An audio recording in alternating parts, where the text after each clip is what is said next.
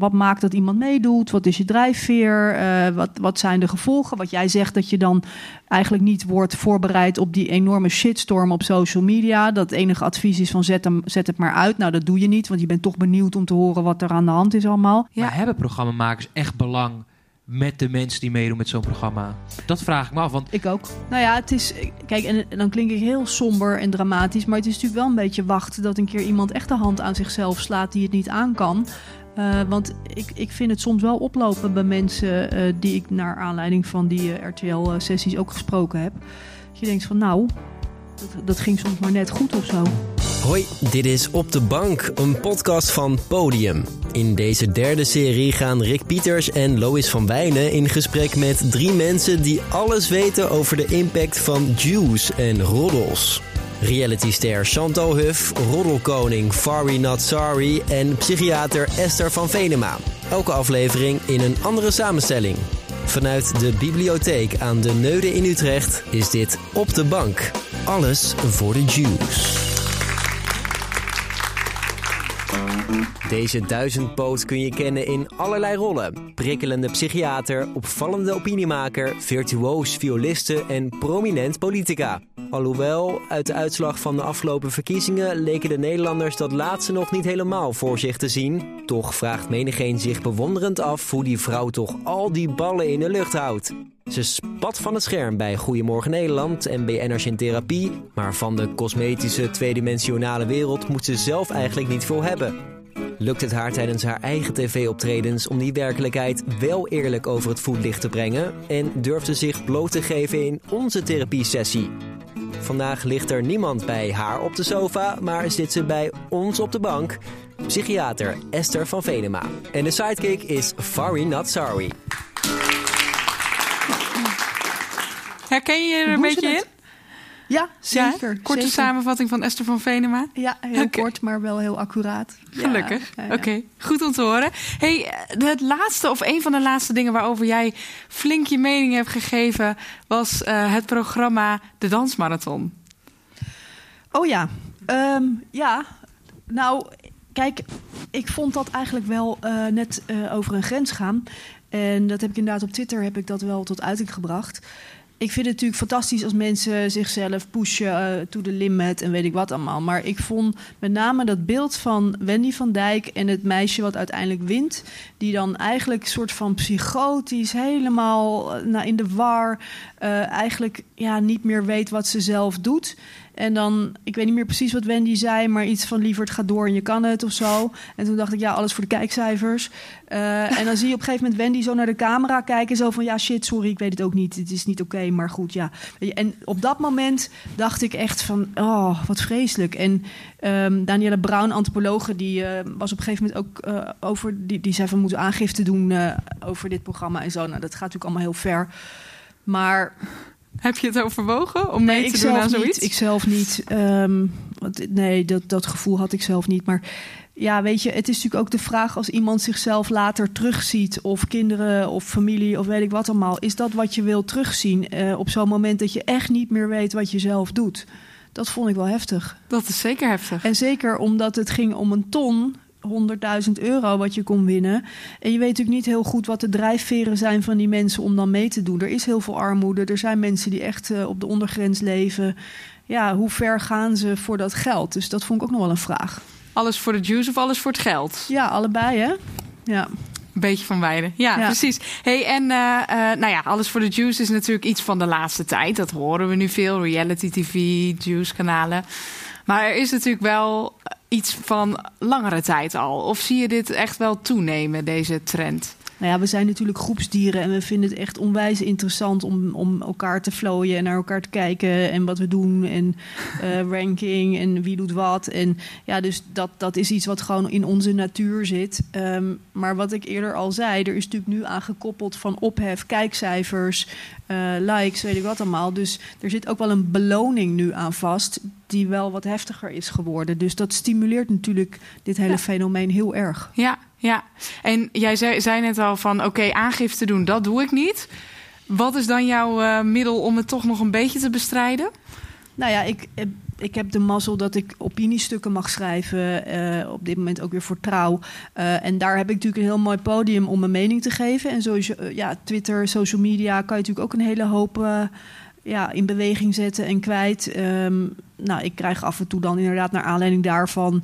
eh, de gelegenheid om op radio of, of op televisie daar wat over te zeggen. Dus die verantwoordelijkheid pak ik op die manier. Ja. Ehm, ja, iemand moet het doen, denk ik dan. Ja. Dan wil ik eigenlijk ook natuurlijk van jou even op het persoonlijke. Dat is toch leuk. We willen toch een beetje weten wie we tegenover Ja, ons daar hebben. we het net over. ja. Dat is toch altijd leuk. Ehm, en om nou niet gelijk weer helemaal eh, jouw hele jeugd ook nog gaat, eh, gaan oprakelen, wil ik toch even iets anders eh, aan je vragen. Ehm, jij hebt namelijk in een aantal gesprekken iets heel opvallends gezegd. Iets wat mij in ieder geval direct opviel. En dat was dat je narcistische persoonlijkheidstrekken bij jezelf had herkend. Nou, die heeft denk ik iedereen die hier op die bank zit, toch? Ja? Of- Die op die specifieke bank of Nou hoor ja, ik ook bij de bank in dit geval? Ik snap het door schat. Ik snap het heel goed. Takes one to know one. Nee, maar kijk, het, ehm, dat is een soort scheldwoord, hè, narcisme. En we hebben allemaal een persoonlijkheid. En dat is de manier waarop we met onszelf en de omgeving omgaan. En over het algemeen is dat aardig in balans. Maar er zijn gewoon wat, ja, wat uitgesproken persoonlijkheidstrekken. En als dat heel erg is, dan krijg je een stoornis. Hè, dus dat je echt niet meer functioneert. Nou, dan heb je een narcistische persoonlijkheidsstoornis of een borderline persoonlijkheidsstoornis. Die is natuurlijk heel bekend. Ehm, en narcisme is ook iets wat voor 50% in je genen zit, in je aanleg. Dus daar word je ook gewoon mee ge- geboren. Hebben ze experimenten met ratjes gedaan die dan heel erg opvallend zelf willen vooruitzwemmen of zo, weet ik veel. Maar ehm, en als je dan ook nog op een bepaalde manier wordt opgevoed dat ouders het belangrijk vinden dat je presteert of dat je iets bijzonders doet, ja, dan kan je op een gegeven moment een beetje in die richting ontwikkelen dat je wat narcistisch getint bent, zoals ik het dan noem. en ja, dat heeft voor- en nadelen. Het voordeel is dat je natuurlijk nou, een drive hebt om bijzondere dingen te willen doen. Wat jij ook zegt, hè, ik wil opvallen, ik wil laten zien dat. Eh, het zijn toch mensen die dan nou, net iets buiten het gemiddelde, voor zover dat bestaat, hun, hun, nou ja, hun kanten laten zien. Het nadeel is dat je ook kwetsbaar bent, hè, dus voor krenking. En als het dan niet goed gaat, of je hebt minder likes dan je had gehoopt, of een column loopt minder goed, of je hebt een gaatje bij de tandarts zelfs in mijn geval. Ja, daar kan je dan heel zagrijnig of somber van worden. Ja, Ja, daar leer je op een gegeven moment wel een beetje mee omgaan. oké, oké. Maar wat het mijn bedoeling is als ik dat zeg, is Ja. dat ik het een beetje uit de taboesfeer wil halen. En dat ik de ja, diversiteit, niet alleen qua kleurtjes, maar ook gewoon qua persoonlijkheid Ja. en qua trekken, dat ik dat leuk vind als mensen daar een beetje, nou ja, op die manier naar kunnen kijken. Ja, en, en heb je ooit eh, zelf gehad dat je dat hoorde, dat van dat narcisme, en dat je jezelf er voor een deel in herkende en dat je dacht, Nou, oh, daar ik, schrik ik van. Ik ehm, deed onderzoek in Leiden aan het Leids Universitair Medisch Centrum. En dat ging onder andere over allerlei vragenlijsten, waar ik net ook over had. Hè, bepaalde vragenlijsten om iemands persoonlijkheid een beetje in kaart te brengen. Toen dacht ik, nou moet ik het zelf ook invullen. En toen kwam er echt ontzettend narcistische trekken uit. En nog een keertje ingevuld. Dacht ik, heb je niet goed gedaan. Nog steeds ontzettend narcistische trekken. Toen dacht ik, nou ja, oké. oh ja, ik herken ook wel heel veel dingen. Nou, ja, ja, ja, ja.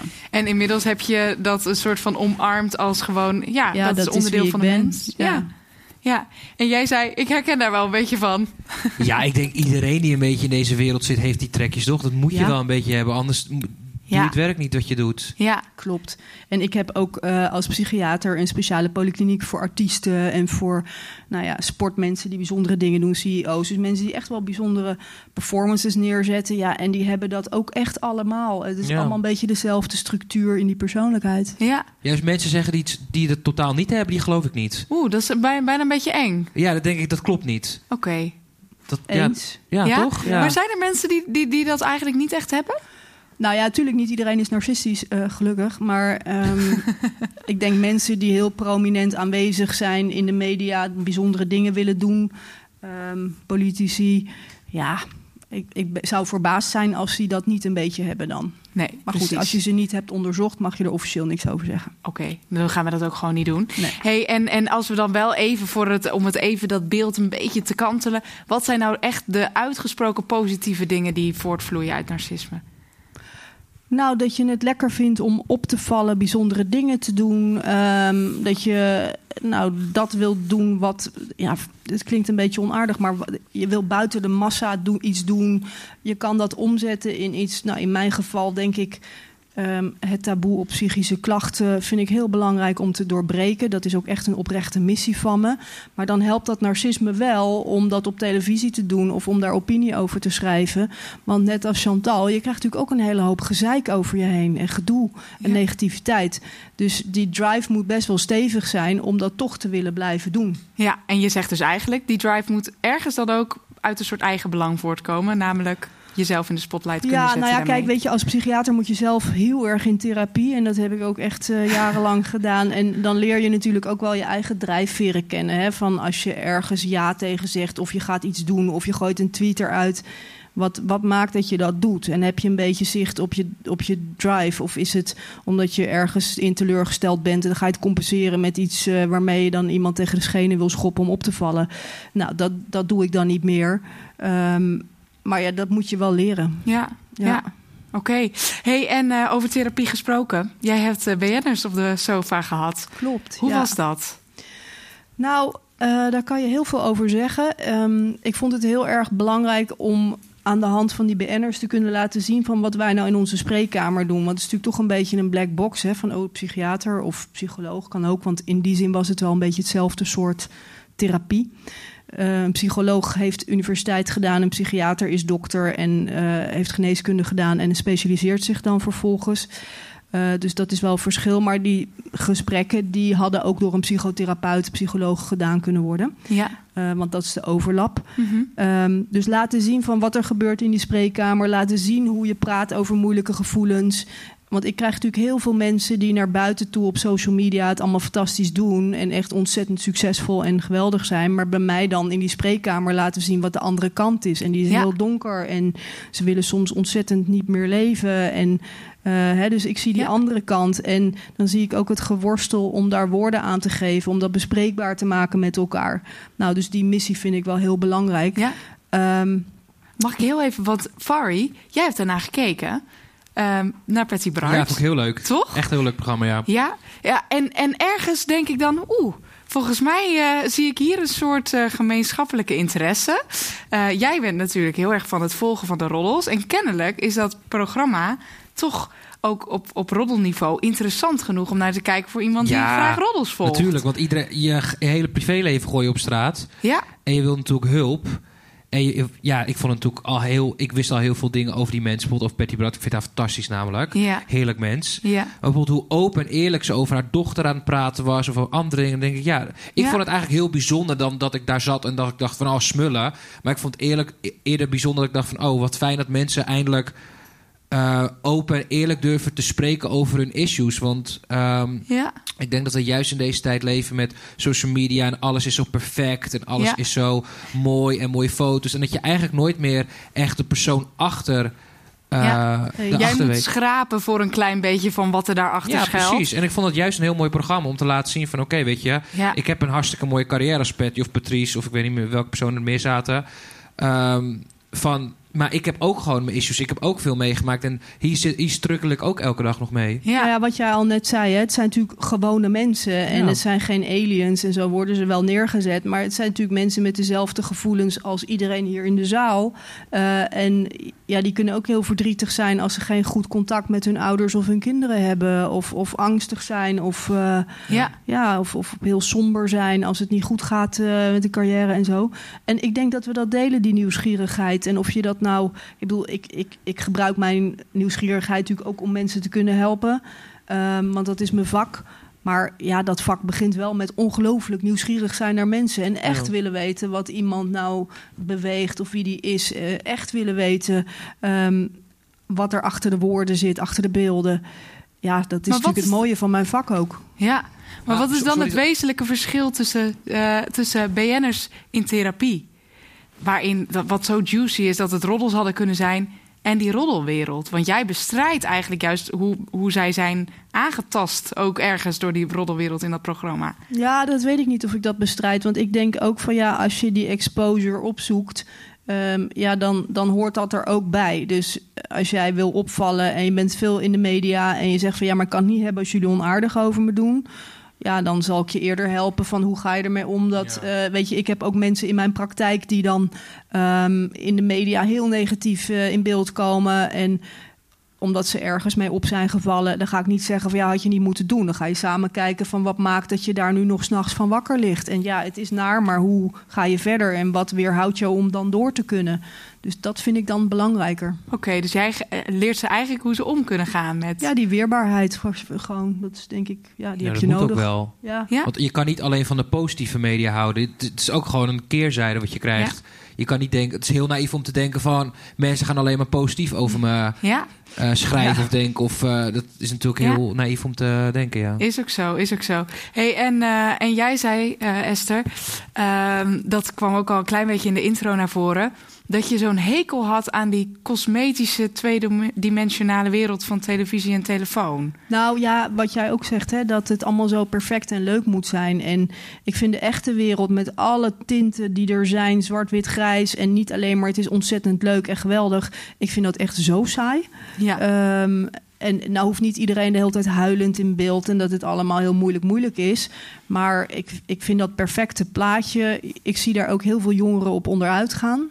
Eh, ik zie echt daardoor heel veel psychische klachten. oh ja. Nou, dat mensen. Of, kijk, ehm, dat is even een stukje technisch dan. Die social media die speelt heel erg in op wat wij in ons brein hebben, een beloningssysteem. Dus hoe meer likes je krijgt, hoe lekkerder jij je voelt. En hoe meer je zal streven naar nog meer likes. Want dat zijn allemaal hele sterke prikkels die we fijn vinden. En dat beloningssysteem was natuurlijk ooit bedoeld om te kunnen overleven in de natuur en genoeg nootjes te verzamelen of weet ik wat. Ehm, maar dat wordt daardoor wel gebruikt. En dat is één ding. Ehm, dat kan op een gegeven moment heel veel leegte en somberheid geven. Hè? Als dat maakt waar je de hele dag jezelf op stuurt. Of je laat sturen eigenlijk. En het tweede punt is natuurlijk dat je continu eh, jezelf vergelijkt met die buitenwereld. Ehm, en ja, daarbij ben je altijd minder leuk. Ben je altijd minder bijzonder. En dat kan, als je daar kwetsbaar voor bent, ook gewoon heel erg veel risico geven op angst en op somberheid. En nou, ook gewoon jongeren met, met gedachten aan de dood of zelfmoordpogingen of echt zelfmoord. Dus ik, ik schrik er wel van hoe vanzelfsprekend social media is en hoe groot de risico's zijn. En ehm, nou ja, hoeveel jongeren daardoor bij mij komen omdat ze er echt Ja. door in de problemen raken. Ja, en dat bestrijd je dan bijvoorbeeld met zo'n programma als BNS in Therapie. Echt even de achterkant van eh, die glamourwereld. Is dat niet in zekere zin ook wat jij doet door roddels de wereld in te zenden? Een beetje tegenwicht bieden aan die rooskleurige buitenkant van de BN'ers? Heb je die behoefte om te Ja, ik vind dat wel heel interessant. Ja, Wat ik net al zei, je wilt gewoon het verhaal daarachter weten. En niet alleen maar de roddels, maar gewoon inderdaad... Kleed iemand maar uit, zeg maar, bij wijze van. ja. En Kom wat is dan die behoefte? Waarom wil je dat dan zo graag weten? Ik ben altijd wel gefictioneerd geweest op bekende mensen. Ik vond dat heel interessant. Wat ze deden, wat ze, de- eh, wat ze doen, hoe ze zijn. Ja. En dan vind ik altijd heel interessant om te weten... oké, eh, waarom doet een persoon dat? Of waarom is bijvoorbeeld een André Hazes zo erg in het nieuws? En Ja.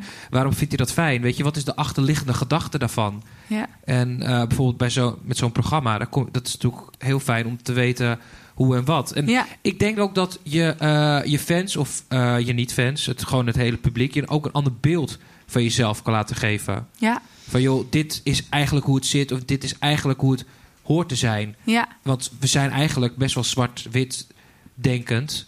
ja. Als, Is, eh, is, klopt dit ook een beetje met wat jij ziet van, van waarom wij dit soort eh, kanalen zo graag volgen? Nou ja, ik heb, ik heb eh, daarin deel ik iets niet met je. Ik heb niet heel erg die fixatie met bekende mensen. Want ik had ook echt liever BN'ers ehm in therapie gedaan met niet-BN'ers. Omdat ik vond het ook heel hard werken. Omdat BN'ers natuurlijk heel erg ehm, geleerd hebben wat ze presenteren voor de camera. Wat ze laten zien enzovoort enzovoort. Dus ik vind gewone mensen in dat opzicht een stuk leuker en interessanter. Ehm, en ja, geloofwaardiger ook op sommige punten hoor. Eh, Ja. want ik vond de BN'ers ook soms behoorlijk openhartig. En dat raakte me dan ook echt wel. Maar nou ja, we hebben nog wel nagedacht om een vervolg te doen met gewone mensen. Ehm, dus dat, dat, dat BN'erschap, dat vind ik nou niet iets wat mij heel erg fascineert. Ehm, maar ik vind het gewoon, het, het- al die kanten van iemand laten zien, die, die echtheid, ja, dat, dat vind ik heel fascinerend. Ja. Ja. En op welke manier zou het mensen die, die daarnaar kijken kunnen helpen als ze zien dat daar bijvoorbeeld een uh, achter een Patsy Nou, film is schuil? Neem even bijvoorbeeld Patricia Pai. Dat vond ik wel een aangrijpend moment. Die zat op de laatste, bij de laatste sessie zat ze met haar dochter. En ik heb dochter gesproken en moeder gesproken. En toen was op een gegeven moment een soort clash of zo, om het een beetje in jouw termen te zeggen. Um, dat de dochter, ik weet even haar naam, ben ik even. Uh, Christina, sorry. Christina die. Uh, blij dat jij naast me zit. ik moest ook even denken, hoe heet ze ook? Christina Curry, Christina, ja. Ja, maar ze heeft ook vaak zo'n ander uiterlijk dat je dan eventjes... Ja. Is het iemand anders? Ja. um, die voelde zich verwaarloosd op het moment dat die, dat die ouders, dus dat Patricia en Adam gingen scheiden. Adam ging naar Amerika, kreeg daar volgens mij een nieuwe vriendin. En dat meisje zat daar eigenlijk in haar eentje in Londen, want Patricia moest heel hard werken, zei ze, om geld te verdienen. Um, en Patricia had een soort van perspectief van, nou, ik moest toch doen wat nodig was, namelijk geld verdienen. En Christina die zei van, ja, maar ik had je gewoon nodig op dat moment en je was er niet. En dan begon Patricia weer van ja, maar ik moest geld verdienen. Ja. En toen zei Christina van ja, maar ik wil alleen maar van je horen dat je er niet voor me geweest bent. En dat is zo eenvoudig, maar zo menselijk en zo ja, ontroerend, vond ik. Ja. Ehm, nou, dat vond ik heel mooi om te kunnen laten zien, ook aan andere ouders. Van hey, soms uh, heb je misschien wel vanuit goede bedoelingen iets gedaan. En klopte dat voor jouw perspectief, maar had dat kind net iets anders van je nodig. En, en durf daar gewoon open en eerlijk met elkaar over in gesprek te gaan. Ja, en dus dat het dus op zo'n moment eigenlijk alleen nodig is om die erkenning aan je kind te geven. Die erkenning inderdaad durven geven, want dat is natuurlijk ook heel spannend om te doen. Ja. Um, dus als je zoiets kan laten zien hoe je dat doet, ja. ja, dan hoop ik dat mensen daar iets van opsteken. Ja, ja, hey, en je zei over de narcistische, je zei over de samenleving dat die ook steeds meer narcistische trekken vertoont. Heeft dat iets te maken met die reality TV, die Juice wereld? Nou ja, dat is dat. Dat heeft wel een bepaald soort verband. Hè? Dus de hele tijd je. Kijk, narcisme even voor, voor uh, nou, de informatie. Het gaat om, om een heel groot zelfbeeld, opgeblazen zelfbeeld, maar niet stevig. Dus onderliggend is iemand misschien best wel wat onzeker of uh, nou, heeft wat weinig zelfvertrouwen. En de koping is dan om met een enorm zelfbeeld jezelf te presenteren. En nou ja, wel heel gevoelig te zijn voor wat de buitenwereld van je vindt. Hè. Krenking is iets wat heel naar is uh, als dat je dan overkomt. Uh, narcistische mensen, maar echt ook met die stoornis zijn ook wel nou, meer vatbaar voor depressie. Dus als je een maatschappij ziet die zich constant vergelijkt met die buitenwereld en daar heel erg afhankelijk van wordt wat die buitenwereld dan weer van jou vindt of hoe die op jou reageert, dat is de vergelijking die ik een beetje probeer te maken. En dat je daarmee moet oppassen, denk ik. Ja, en, en liggen daar parallellen inderdaad met die roddelwereld en die juicewereld? Poeh, dat vind ik een lastige vraag. Um, daar zijn natuurlijk allerlei varianten in. Hè? Um, Kijk, wat ik beschrijf is meer de gewone mens, de gewone jongeren die continu met die social media zichzelf vergelijkt met de buitenwereld en daar zo'n rare afhankelijkheidsrelatie mee ontwikkelt. Ja. En die roddelwereld, ja, ik weet niet of die nou zo nieuw is. Nou, de roddelwereld op zichzelf misschien niet. Maar inderdaad, hè, het jezelf in het middelpunt willen plaatsen. Gewone mensen die mee kunnen doen aan allerlei programma's om maar in de aandacht te komen. Het zijn natuurlijk wel allerlei hele simpele manieren om jezelf toch even in die spotlight te kunnen zetten. Maar daarvoor moet je dan wel een heleboel doen. Namelijk uh, accepteren dat je misschien wel nou, ik heb toen voor RTL ook nog online uh, een therapie-sessie gedaan met een aantal, uh, of therapie-sessies met een aantal influencers en ook een deelnemster van Temptation Island. Hmm. En die had inderdaad op die manier volgens mij meegedaan. En had daarna toch echt wel enorm te kampen met al die negativiteit. Hè, net als jij, Chantal. Um, en kon daar eigenlijk helemaal niet goed mee omgaan. Um, dus die prijs is dan heel hoog. Ja. En ook wel, ja, soms ook gewoon gevaarlijk, denk ik. Ja, ja. En zie je dat ook veel terug bij uh, als, als jullie, jullie zien natuurlijk een heleboel van dit soort reality sterren uh, bij, bij jullie uh, bij Rumach.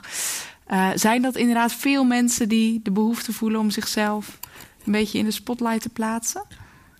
Ja, kijk, ik zeg altijd: iedereen die meedoet met programma's zoals Temptation Island, Ex on the Beach, Love Island, zijn allemaal mensen die meedoen voor de fame.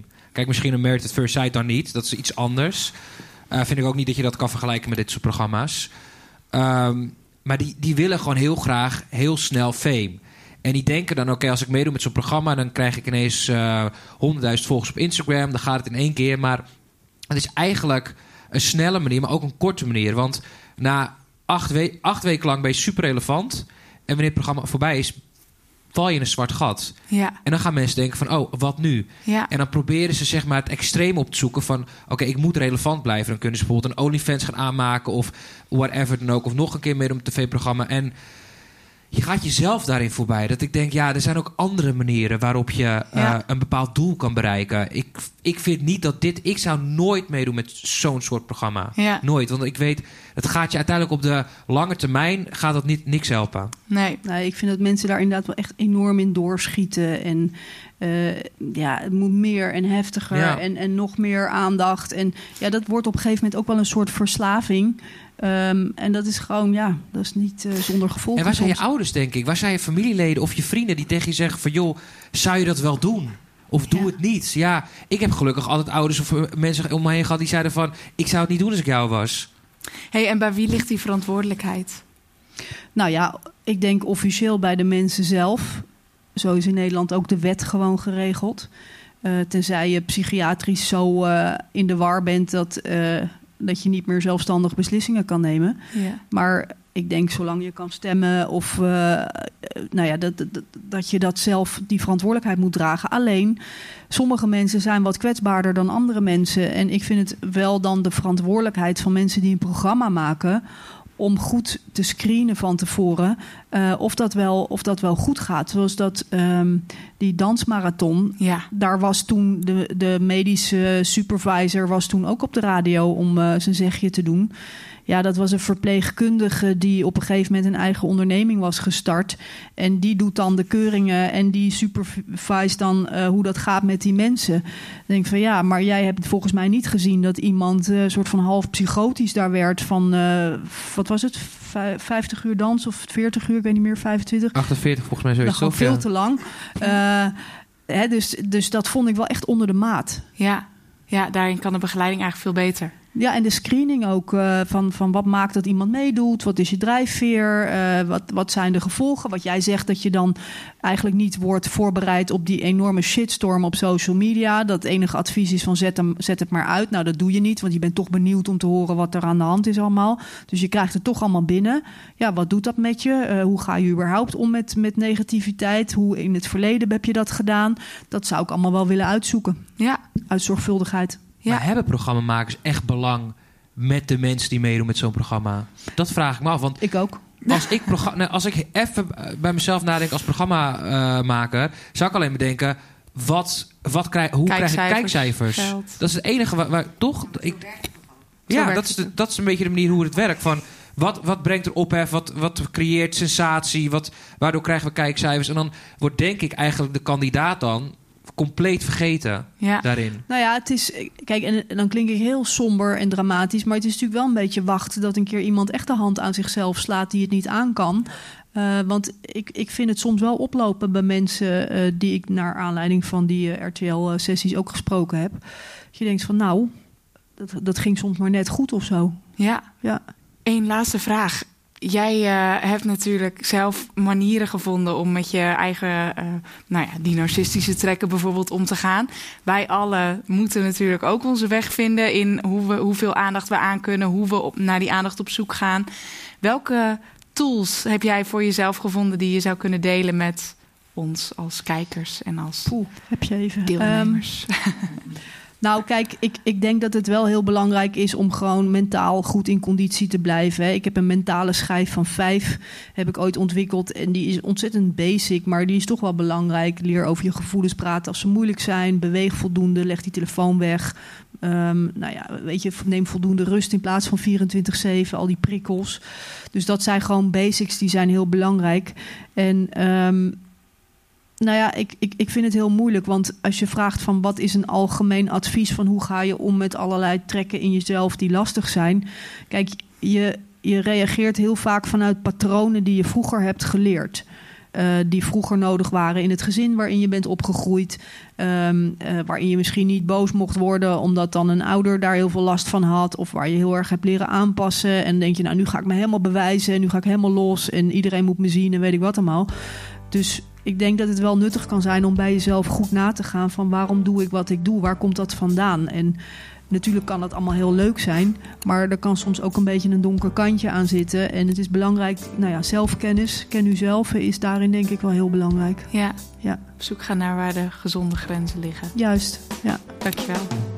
Dit was hem dan, de derde en ook de laatste aflevering van de serie over juice en roddels. Op de bank is een productie van Podium, het cultureel studentenplatform van Hogeschool Utrecht. Wil jij op de bank of een ander programma van Podium live meemaken? Kijk dan op podium.hu.nl/slash agenda of volg Podium op Insta. Podium.hu. De gasten in deze aflevering waren Esther van Venema en Farinat Sari. De presentatie deed Lois van Wijnen.